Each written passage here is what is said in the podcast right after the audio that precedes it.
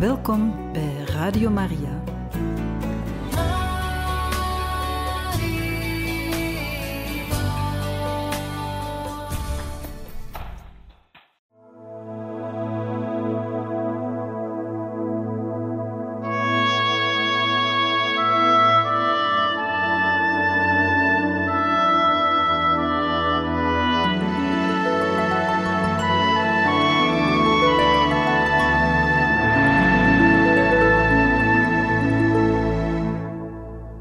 Hoofdstuk 5 Priesterwijding in Honolulu, 1864. De eerste dagen op Hawaii, van 19 tot 28 maart 1864. Lang voor zonsopgang stonden de passagiers en bemanning aan de reling. Na maanden zeegolfslag had het ritme van golven die op het rif braken hen die nacht wakker gehouden. Uit andere schepen, die ook op volle zee voor anker lagen, kwamen onbekende stemmen in onbekende talen overgewaaid. De zon ging achter op de Pali. De Pali, dat is de afgrond. De begroeide bergmuur achter Honolulu. Dus naast de, de afgrond de bergmuur. En die kleurde de hellingen goud. Rechts meldde de kleine ronde krater Punchbowl dat ze in vulkanisch gebied waren beland. Ze zochten tussen de witte huizen die aaneengeregen waren door een netwerk van bananenbomen, palmformaties en bloeiende heesters naar een kerktoren en besloten dat het zware vierkante blok de kathedraal was, waarvan de pionier, Monseigneur Etienne Rouchouze, vlak voor zijn terugkeer naar Frankrijk in 1840 de eerste steen had gelegd. De matrozen hadden geen oog voor de donkergroene tropengroei. Ze hadden het over de koninklijke barbier die heel dicht schoor en meer nog over wahine en bepaalde bars. De missionarissen wierpen verwijtende blikken, maar op het eerste teken van de kapitein gingen de zeelui enthousiast aan het werk. Ze moesten de landing op 19 maart 1864 voorbereiden. Op de kade was er al heel wat beweging. Damiaan, die bijziende was, maar zeer goed in de verte zag, kon de vrouwen in een lange losse jurk, een moe onderscheiden van de mannen in losse broek, vaak zonder hemd. De kleine sleepboot tufte over het vlakke azuurblauwe water. De loods kwam aan boord en begroette iedereen met een breed aloha. Slecht gewassen, bruin gebrande, haveloze passagiers drumden rond de eng Engelstalige man, de eerste nieuwkomer na vier en een halve maand zee. De kapitein deelde mee dat het een schitterende overtocht was geweest. Geen problemen, de gewone stormen, geen ernstige zieken, geen doden. Ze waren zelfs ruim twee weken vroeger dan gepland aangekomen. De loods wist dat iedereen naar nieuws aasde en vertelde kort de, dat de verwende kroonprins Albert gestorven was aan een longinfectie die hij had opgelopen toen zijn vader een van zijn woedeaanvallen met koud water had proberen af te koelen.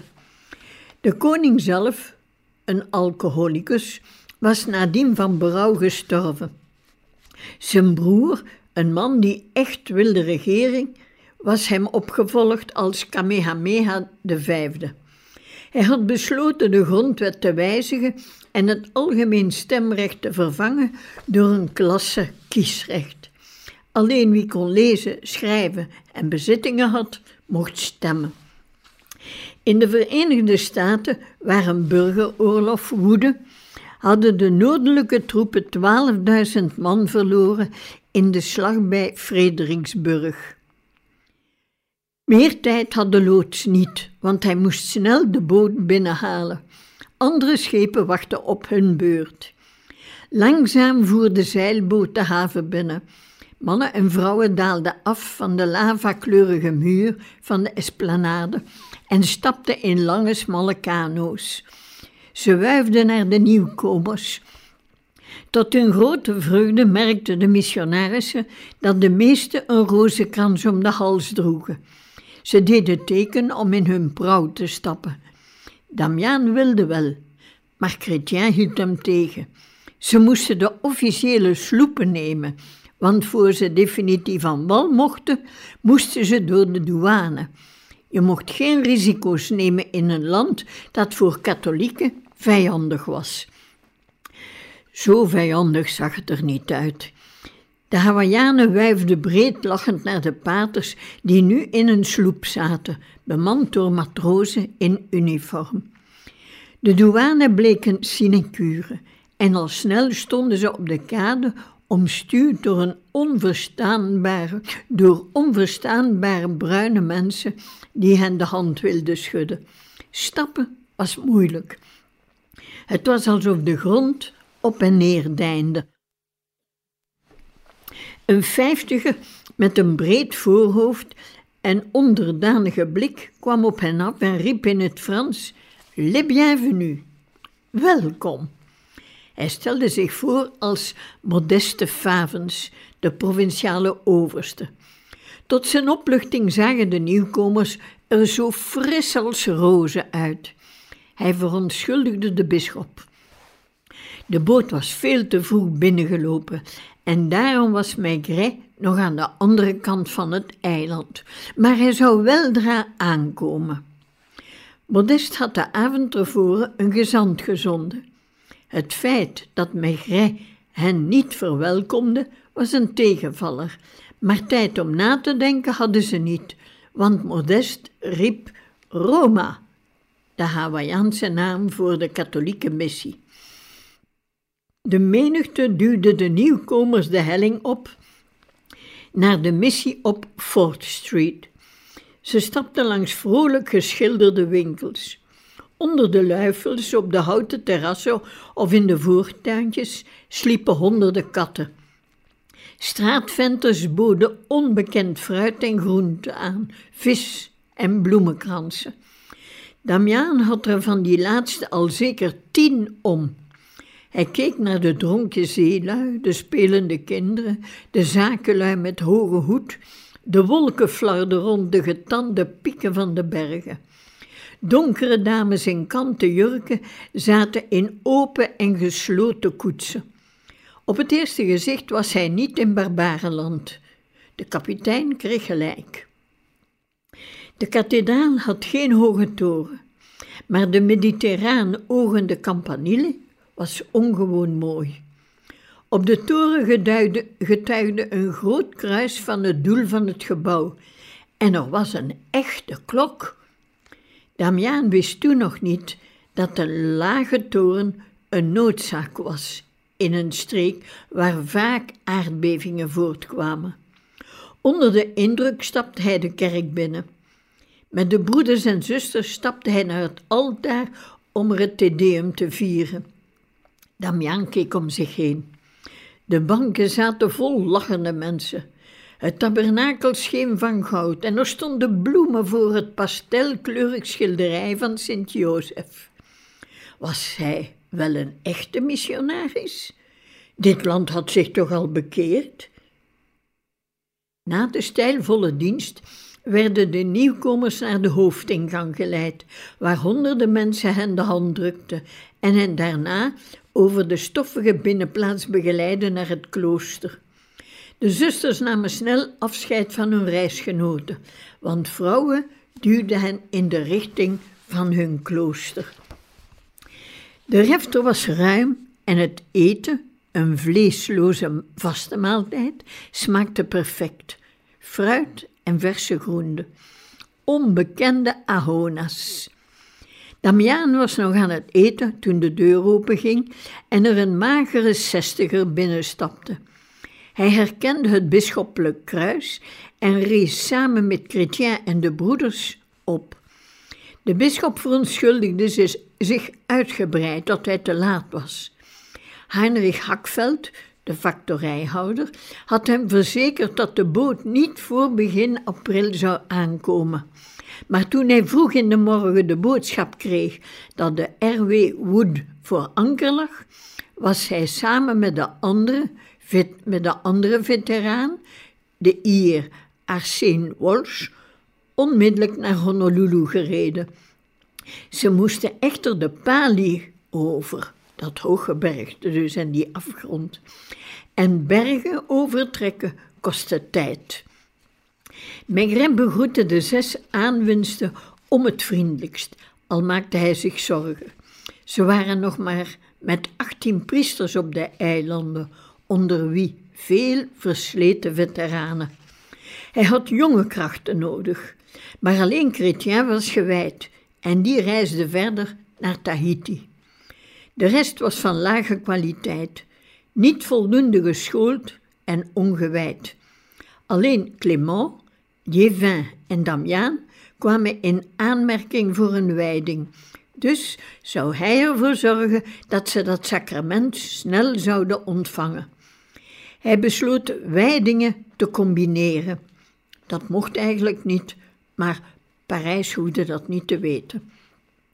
Hij was verrast door Damiaans geestdrift. Die wilde al de zaterdagmiddag beginnen te werken. De bisschop legde uit dat hij pas maandag zijn programma zou krijgen, maar Modest kon hem intussen wel de stad tonen. De provinciaal reed eerst door de welvarende wijken rond het gerechtsgebouw. Daar woonden de Blanken en de Ali. De Ali, dat zijn de traditionele heersers, de adel. Hij zag hen rondrijden in statige tuigen, getrokken door raspaarden. Maar het werd pas echt voor Damiaan toen ze in de armere buurten van hut tot hut rondtrokken. Het viel hem op hoe netjes het binnen in de rieten optrekjes was. Matten lagen op de grond, het kookgerief stond buiten. Dit schreef hij aan zijn ouders, citaat, het derde deel van de archipel is reeds katholieke, tussen de welke men vindt vele zeer godvruchtige mensen. Zij kennen geen menselijk opzicht. Meest alle dragen hun paternoster om hun hals. Zij zoeken niet naar goud en zilver. Zelf denken ze weinig aan de andere dag. Het is genoeg voor hun taro te eten te hebben, dat niet al te kostbaar is. Voor kleedsel, daar maken zij niet veel kas van. De mannen hebben gewoonlijk niets anders dan een broek en soort van hemd aan. De vrouwen hebben een lang kleed, welk recht afhangt, zonder lee daarin. Einde citaat. Damiaan wilde zo snel mogelijk de taal leren en gebruikte een beproefde methode. Hij maakte woordenlijsten. Hale was huis, Makua vader, Wahine vrouw, Wai water, Pilikia gevaar, problemen. Modest legde hem uit dat het Hawaiiaans weinig medeklinkers stelde en dat zijn naam zeker vervormd zou worden tot Camiano. Damiaan was gelukkig. Op Palmzondag genoot hij van het geestdriftige zwaaien met palmtakken.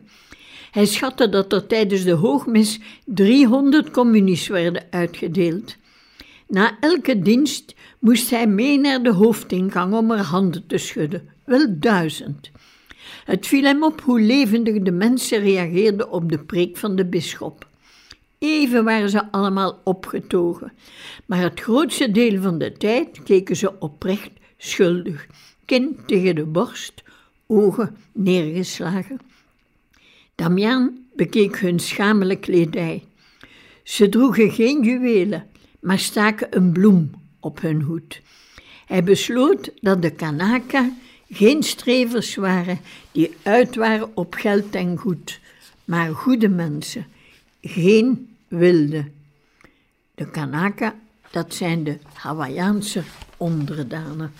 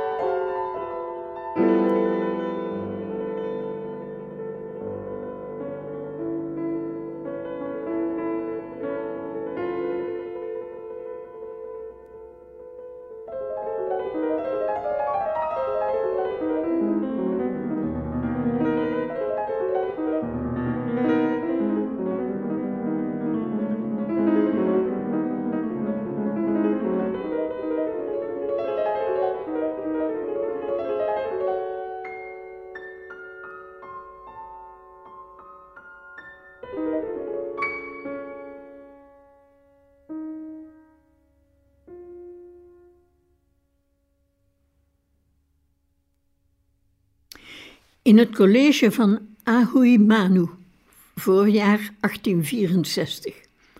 Eindelijk was het maandag en zou hij zo'n programma krijgen. Tot zijn grote vreugde was er haast bij. Op paasmaandag zou hij met Clément en Liévin naar de andere kant van het eiland trekken, waar de pikpussen een college hadden, een geschenk van een vorige koning. Hij zou daar een spoedcursus Hawaiiaans krijgen, terwijl hij zich onder het wakend oog van Arsene Walsh op zijn wijding zou voorbereiden. Al in mei zou hij priester worden. De eerste week in Honolulu woonde hij de diensten voor de Goede Week bij. Op winterdonderdag viel het hem op hoe lenig de nog fitte bisschop Maigret zonder enig probleem knielde voor de arme mensen wier voeten hij ritueel moest wassen. Daarna deelden de paters, ook Damiaan, voedsel uit aan de armen. Op Goede Vrijdag mocht Damiaan de eerste kaars van de driehoekige kandelaar ontsteken. Hij was blij met die eer, want de volgende dag, stille zaterdag, zou hij gewijd worden tot onderdiaken. Liévin kreeg dezelfde wijding, maar Clément moest wachten, want Maigret vond dat de dienst dan te lang zou duren. Op paasmaandag stonden nog voor zonsopgang vier gezadelde paarden op de binnenkoer van het klooster klaar. Na de mis en een snel ontbijt was het tijd om te vertrekken, want de tocht over de Pali kon een dag duren.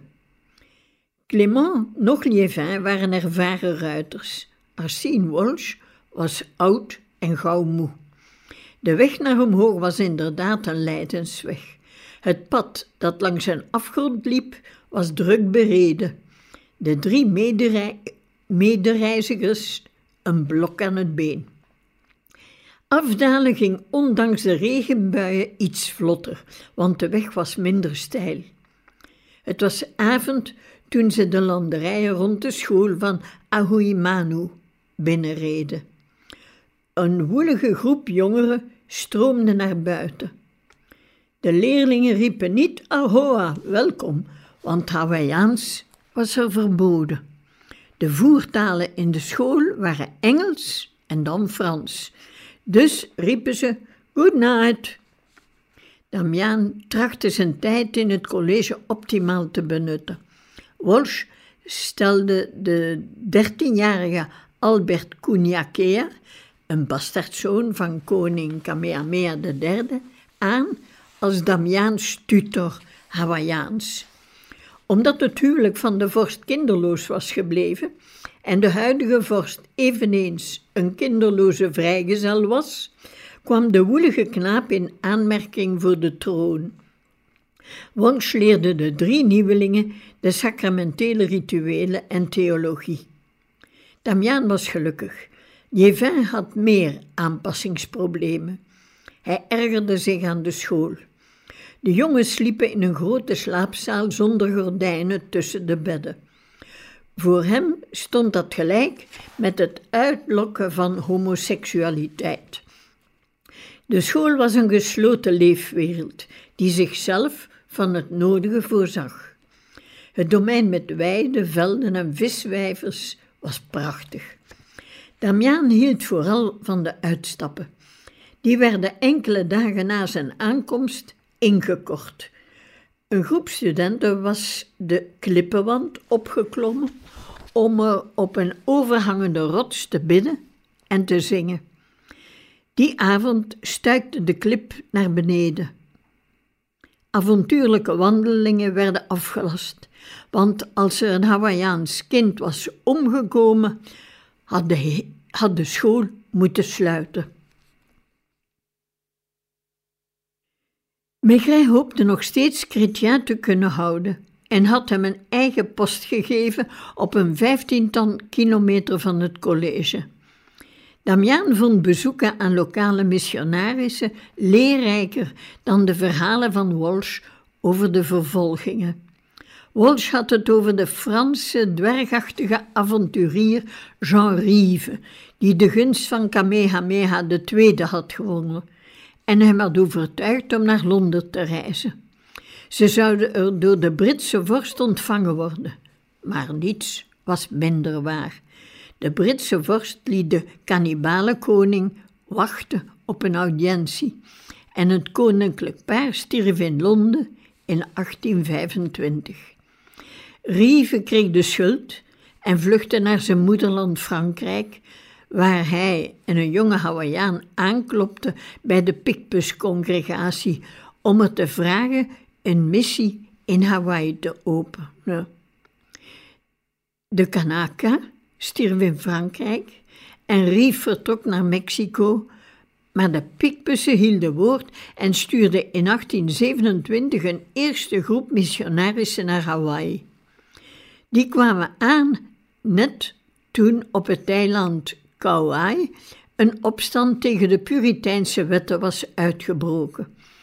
De katholieken kregen de blaam voor die opstand. Citaat. De paters werden uitgewezen en de katholieken verdreven. Einde citaat, zuchtte Walsh.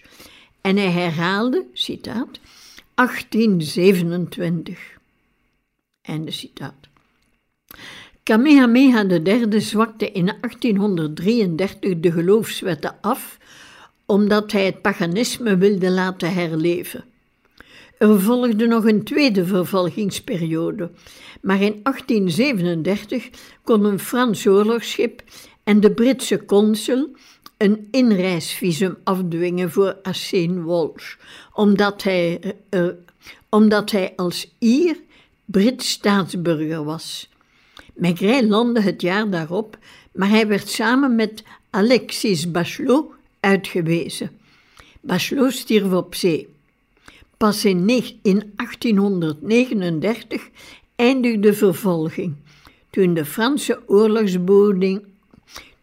Pas in 1839 eindigde de vervolging, toen de Franse oorlogsbodem L'Artemise de vrijheid van godsdienst afdwong. Dat jaar legde bisschop Etienne Rouchouze de eerste steen van de kathedraal. Sindsdien had diezelfde Kamehameha III, de man die Maigret had uitgewezen, het mooie domein in Aoimanu ten geschenke gegeven.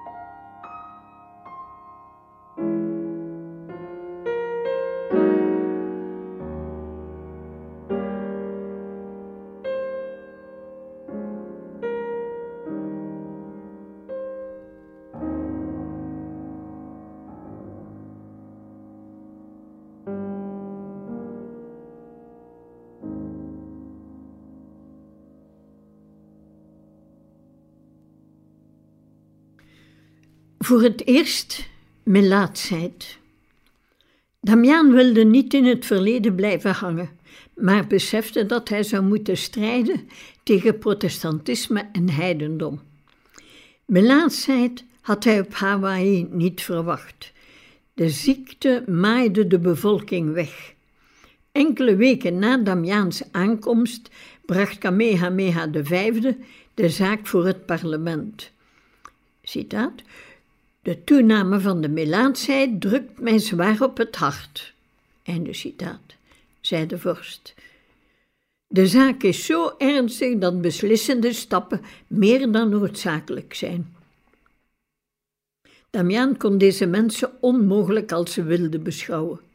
Hawaii was een grondwettelijke monarchie met een scheiding van de wetgevende, uitvoerende en rechterlijke macht. Er waren twee kamers, het Huis van de Edelen en het parlement. De staatsscholen werden door de protestanten geleid, maar de pikbespaters lobbyden om de scholen met overwegend katholieke leerlingen naar hen over te hevelen. In 1834 had de koning de onvervreembare rechten van het volk en het recht op eigendom erkend. Dat zette natuurlijk de deur open voor privé-eigendom, een begrip dat bij de Kanaka, bij de Hawaiianen, niet bestond. Papa, moeder aarde, was van iedereen. De blanken eigenden zich het land soms op grote schaal toe. In 1841 annexeerden de Britten de eilanden. Maigret was er toen erg van aangedaan dat zoiets kon. Amerikanen en Fransen zagen het net zo en met hun kanoneerboten herstelden ze de wankele democratie. Kamehameha III wilde zich toen nog sterker opstellen en hij richtte vijf uitvoerende departementen op: Binnenlandse Zaken, Buitenlandse Zaken, Financiën, Onderwijs en Justitie. Alle volwassen mannen kregen kiesrecht, wat heel vooruitstrevend was. In België was er toen nog steeds zijns kiesrecht. Maar tegen de druk van de blanken kon de koning niet op. Succesvolle goudzoekers uit Californië en kinderen van protestantse missionarissen wilden eigendommen kopen en plantages werden opgezet. Kamehameha werd tot de grote Mahele, de grote verandering, gedwongen. De meeste Kanaken werden onteigend.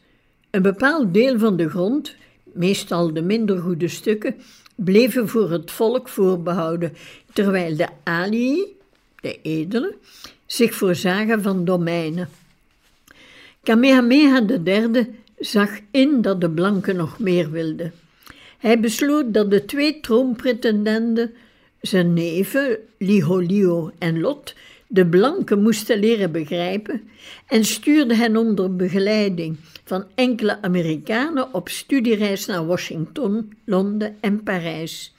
Maar de jongens interesseerden zich meer voor de Petites Horizontales van het Bois de Boulogne in Parijs dan voor de handelsverdragen. In 1853 liep het in Honolulu weer mis. Toen dreigde de USS Portsmouth de stad te bombarderen indien de koning zijn soevereiniteit niet aan Washington zou afstaan. Nu snelden de Britse en Franse schepen die in de stille Zuidzee kruisten te hulp. Zij waren het niet die de dreiging ongedaan, maakten. De pokken deden dat. Er brak een epidemie uit en alle schepen verlieten spoorslags de bedreigde haven. Het jaar daarop stierf Kamehameha III en zijn neef Alexander Liho Liho volgde hem op als Kamehameha IV. De man trachtte het zieke koninkrijk te redden door een commercieel verdrag met de Verenigde Staten te tekenen. Maar het Amerikaanse congres weigerde dat te ratificeren. Kamehameha IV regeerde niet lang, want net voor Damiaans komst was ook hij op 29-jarige leeftijd zonder erfgenaam gestorven. Zijn broer Lot, nu Kamehameha V, scheen sterk te zijn. Hij had op 3 maart 1864, twee weken voor Damiaans aankomst, het algemeen stemrecht afgeschaft. Alleen zij die konden lezen en schrijven en een eigendom bezaten, zouden mogen stemmen. Dat stond in schril contrast met de beslissing die de American Board of Commissioners for Foreign Missions rond die tijd nam. De Hawaiiaanse protestantse missie werd als volwassen bestempeld. Voortaan, voortaan zou het hoofdkwartier Boston geen geld meer sturen naar de eilanden, maar moesten die zelf geld ophalen voor missies in de Stille Zuidzee. Er zouden ook geen blanke missionarissen meer uitgestuurd worden. De Lahaina Luna school op het eiland Maui leverde puiken Kanaka-predikanten die de zaak konden overnemen. Ziekte was het grote probleem. Damiaan besefte dat maar al te goed. Wash vertelde hem dat bij aankomst van de blanken in 1778 de Polynesische bevolking op 300.000 werd geschat. In 1853 waren er daarvan nog 70.000 over. Dat is, als ik goed kan tellen, op een goede 100 jaar. Van 300.000 naar 70.000. De anderen waren aan de meest diverse ziekten gestorven. Dr. Hillebrand, een Duitse arts die Queen's Hospital in Honolulu leidde, waarschuwde voor de lepra-epidemie. Daarom had koning Kamehameha V de zaak voor het parlement gebracht. En volgende week gaan we verder met de priester.